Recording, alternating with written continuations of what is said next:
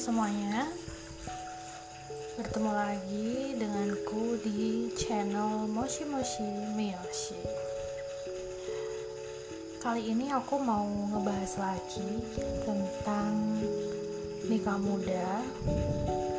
Sebuah topik yang menurutku lumayan sensitif dan gak habis untuk dibicarakan termasuk juga mengenai pro dan kontranya tapi sebelum aku membahas lebih lanjut aku mau menyapa kalian dulu nih.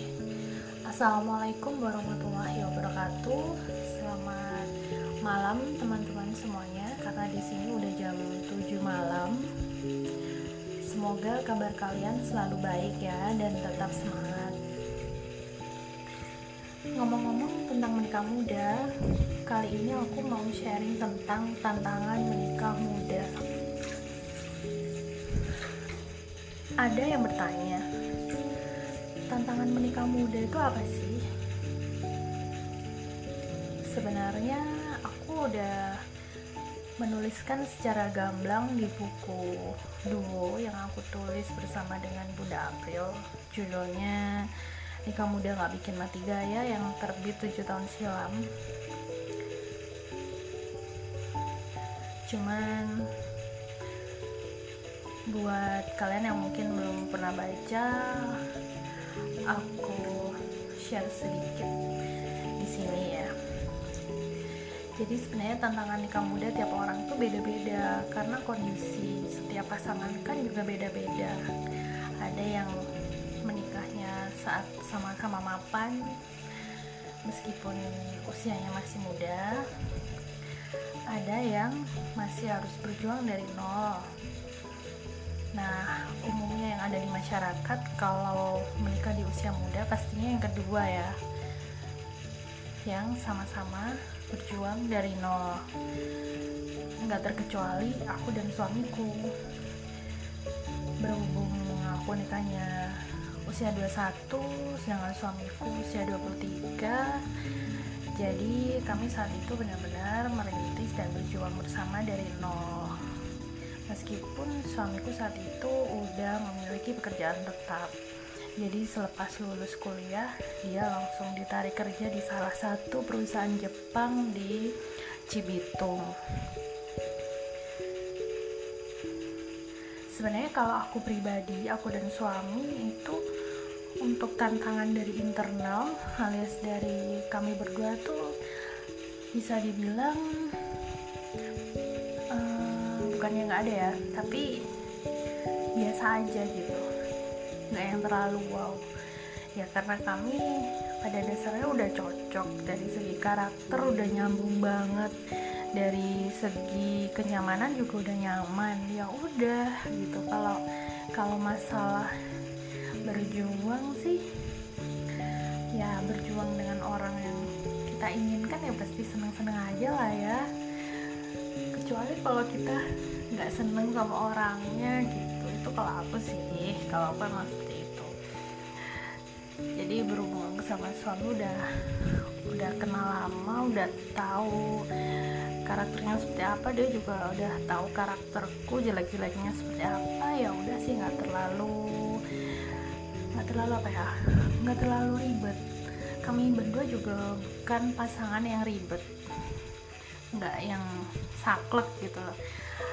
Atau nggak nggak yang suka berantem hal-hal yang nggak penting gitu. Jadi bisa dibilang pasangan nyantai sih. Terus juga termasuk dalam kategori pasangan yang mudah memaafkan gitu. Apalagi kalau kesalahannya nggak penting-penting amat seperti naruh apa di mana gitu. Kan itu bukan sesuatu yang prinsip ya. Ya udah biasa aja gitu jadi kalau untuk tantangan internal sih nggak um, yang terlalu gimana gimana biasa biasa aja. Dan alhamdulillah malah kalau buat kami tuh seperti ada temen bukan seperti ya emang ada. Jadi ada teman berjuang bersama teman bertukar pikiran. Ya semuanya sih enak. Jadi kalau dari internal biasa aja tantangannya nggak yang terlalu gimana. Tapi tentu saja hal ini tidak bisa di generalisis di generalisasi sebentar ya. Ya tentu saja tantangan internal ini nggak bisa di generalisir ya. Akhirnya bener juga aku ngucapinnya. Uh, yes karena kan tiap orang beda-beda gitu. Kalau buatku buat kami tantangan dari internal dari internal itu biasa aja tapi bisa aja pasangan yang lain sebaliknya gitu. Nah tantangan berikutnya yang mungkin bisa dibilang rada-rada gimana dalam tanda kutip adalah tantangan eksternal. Mungkin uh, ini juga pengaruh dari karakter aku yang di awal 20-an tuh masih bisa dibilang masih begitu baper kali ya. Orangnya baperan atau sensitif gitu.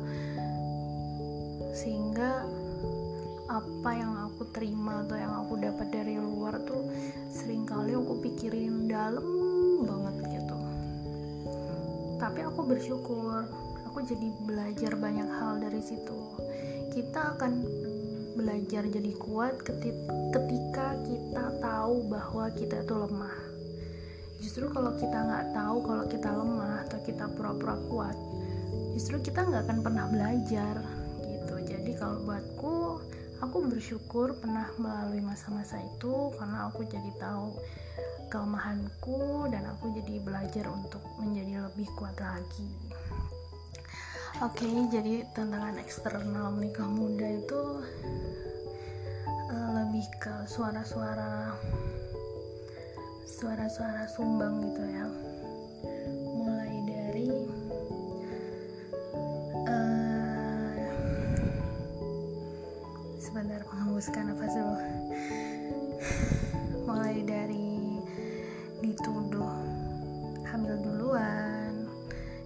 Meskipun itu nggak terbukti ya lawang aku nikahnya 2008 hamilnya 2017 karena waktu itu pasti akan jawab kok gitu. Yang penting kita tenang aja.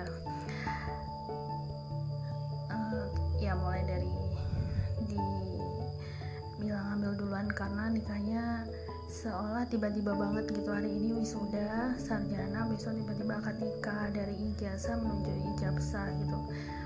Waktu itu kayak yang cepet banget sih boy menikmati masa muda seperti itu. Emang kamu kenapa? Emang udah terjadi apa? Seperti itu. Ya jujur aku sebagai wanita ya rada gimana gitu. Tapi toh pada akhirnya kebenaran tuh pasti akan terungkap kan gitu. Terus tantangan berikutnya uh, suara-suara sumbang seperti eman banget sih kamu nih kamu muda. Kebetulan aku dulu emang ya bukan kebetulan ya alhamdulillah atas izin Allah. Aku dulu tuh emang lulusan terbaik. Terus ya ada beberapa orang beberapa kelompok yang yang lumayan deket sama aku. Dan biasanya omongan dari orang yang deket sama kita tuh sedikit banyak berpengaruh ya. Jadi mereka bilang kok eman banget sih? Masa kamu cuman jadi ibu rumah tangga doang habis nikah nggak jadi bla bla bla gini? Ya jujur aku sempat terpengaruh gitu sempat kayak galau. Tapi aku inget banget waktu itu sahabatku namanya Wilujeng aku sebut di sini biar semua orang tahu bahwa dia tuh baik banget. Ya sekarang dia punya bisnis plus nulis buku juga. Dia waktu itu dia angkot ADL bilang ngapain Yus? Galau intinya gitu ya. Kalau redaksionalnya aku udah lupa cuman kalau intinya dia bilang ngapain sih galau? Kalau aku jadi kamu kalau emang udah ada jodohnya ya aku nikah lah udah ada jodoh yang tepat. Dan sama-sama cocok ya aku nikah lah. It's normal. Itu kata dia. Dan benar nggak lama setelah aku nikah dia nikah dong. Alhamdulillah kan aku ikut. Malah uh, punya anaknya lebih dulu dia karena kalau aku kan kosong 8 tahun ya. Kalau temenku sahabatku ini kosong setahun apa dua tahun gitu loh lupa ya seperti itu. Tantangannya lebih dari luar. Terus mungkin buatku di usia sekarang ketika mengingat lagi kejadian 10 atau 12 tahun yang lalu ketika awal nikah itu ngelihatnya jadi oh cuman gitu doang. Tapi buat anak yang masih lugu masih usia 20 tahun lebih dikit pengalaman hidup juga nggak ada masih semuanya masih belajar. Terus terang kata-kata yang memanas-manasin itu ya sedikit banyak ada pengaruhnya gitu.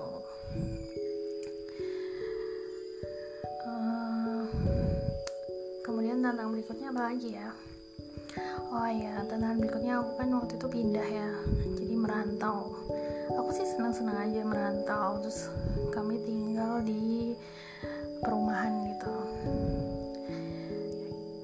Ya aku terus terang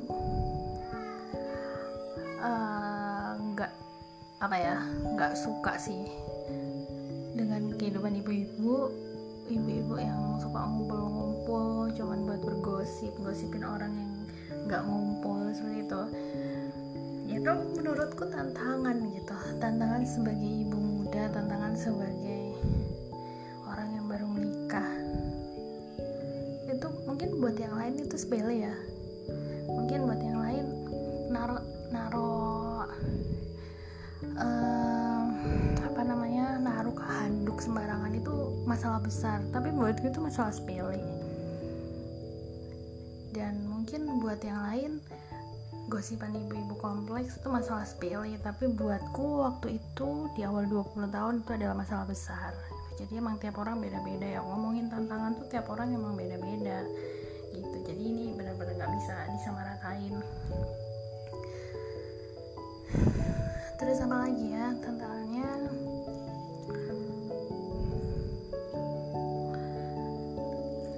Hmm, banyak sebenarnya sebenarnya itu semua berasal dari luar gitu. Tantangannya tantangan eksternal dan waktu itu emang sempat mengganggu pikiranku. Aku sempat kayak rasa apa keputusan aku itu salah ya keputusan nikah muda gitu. Tapi seiring dengan berjalannya waktu aku belajar termasuk juga belajar dari pengalaman bahwa kesalahan terbesarku aku jadi tahu ya bahwa kesalahan terbesarku waktu itu adalah berusaha ingin membahagiakan orang lain ingin mengiyakan orang lain gitu ya padahal nggak bisa kali kewajiban kita adalah berbuat baik, tidak mengambil hak orang lain. Dan bukan menyenangkan semua orang di seluruh dunia, karena itu nggak mungkin banget. Setelah aku sadar itu, ya udah, biasa-biasa aja. Alhamdulillah kalau tantangan dari internal alias dari pasangan tuh nggak yang terlalu gimana karena Mas Rian sendiri juga nyantai aku juga nyantai aku pun masih mengizinkan dia ngumpul-ngumpul sama temennya ya terserah gimana tuh aku juga tahu dia pun juga setuju-setuju aja aku ngumpul-ngumpul sama temanku. Toh dia udah tahu aku gimana sebenarnya pokoknya dia nggak ada masalah lah ya. Kalau dengan pasanganku bersyukur banget. Nggak yang aku juga bukan tipe yang pesen nggak dibahas dikit gimana enggak gitu juga. Aku biasa aja aku juga bukan tipe cewek yang main kode-kode enggak kalau pengen langsung ngomong aja. Dan suamiku juga alhamdulillah tipe orang yang peka gitu. Jadi kalau masalah dari pasangan sih enggak cuman emang dari luar iya gitu. Ya tapi alhamdulillah seiring dengan berjalannya waktu aku dapat banyak pelajaran dan insya Allah jadi lebih kuat lagi. Dan moga-moga generasi di bawahku bisa lebih baik lagi. Itu aja sih. Poinnya adalah emang menikah muda pasti ada tantangannya. Yang aku ceritakan di sini tentunya masih belum semuanya ya. Karena kalau semuanya nggak cukup ini baru pengantar aja udah 15 menit. Gimana semuanya? Nggak cukup 24 jam. Tapi intinya memang tantangan menikah muda itu pasti ada sama halnya seperti tantangan menikah di usia dewasa juga pasti ada dalam bentuk yang berbeda. Seperti itu. Tapi selama kita dan pasangan tuh kompak dan solid sih insya Allah baik-baik aja ya. Dan yang pasti saling menghargai saling mau belajar seperti itu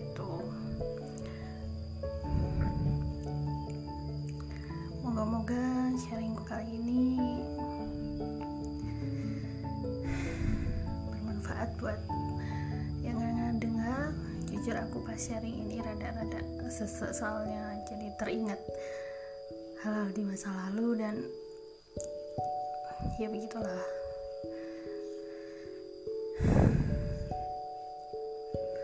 Pokoknya intinya sih yang penting si pelaku nikah muda itu plus jangan lupa selalu berdoa. Karena itu penting banget juga doa restu orang tua mertua seperti itu ya. Karena itu penting banget. Udah selebihnya udah biasa aja. Moga-moga sharingku kali ini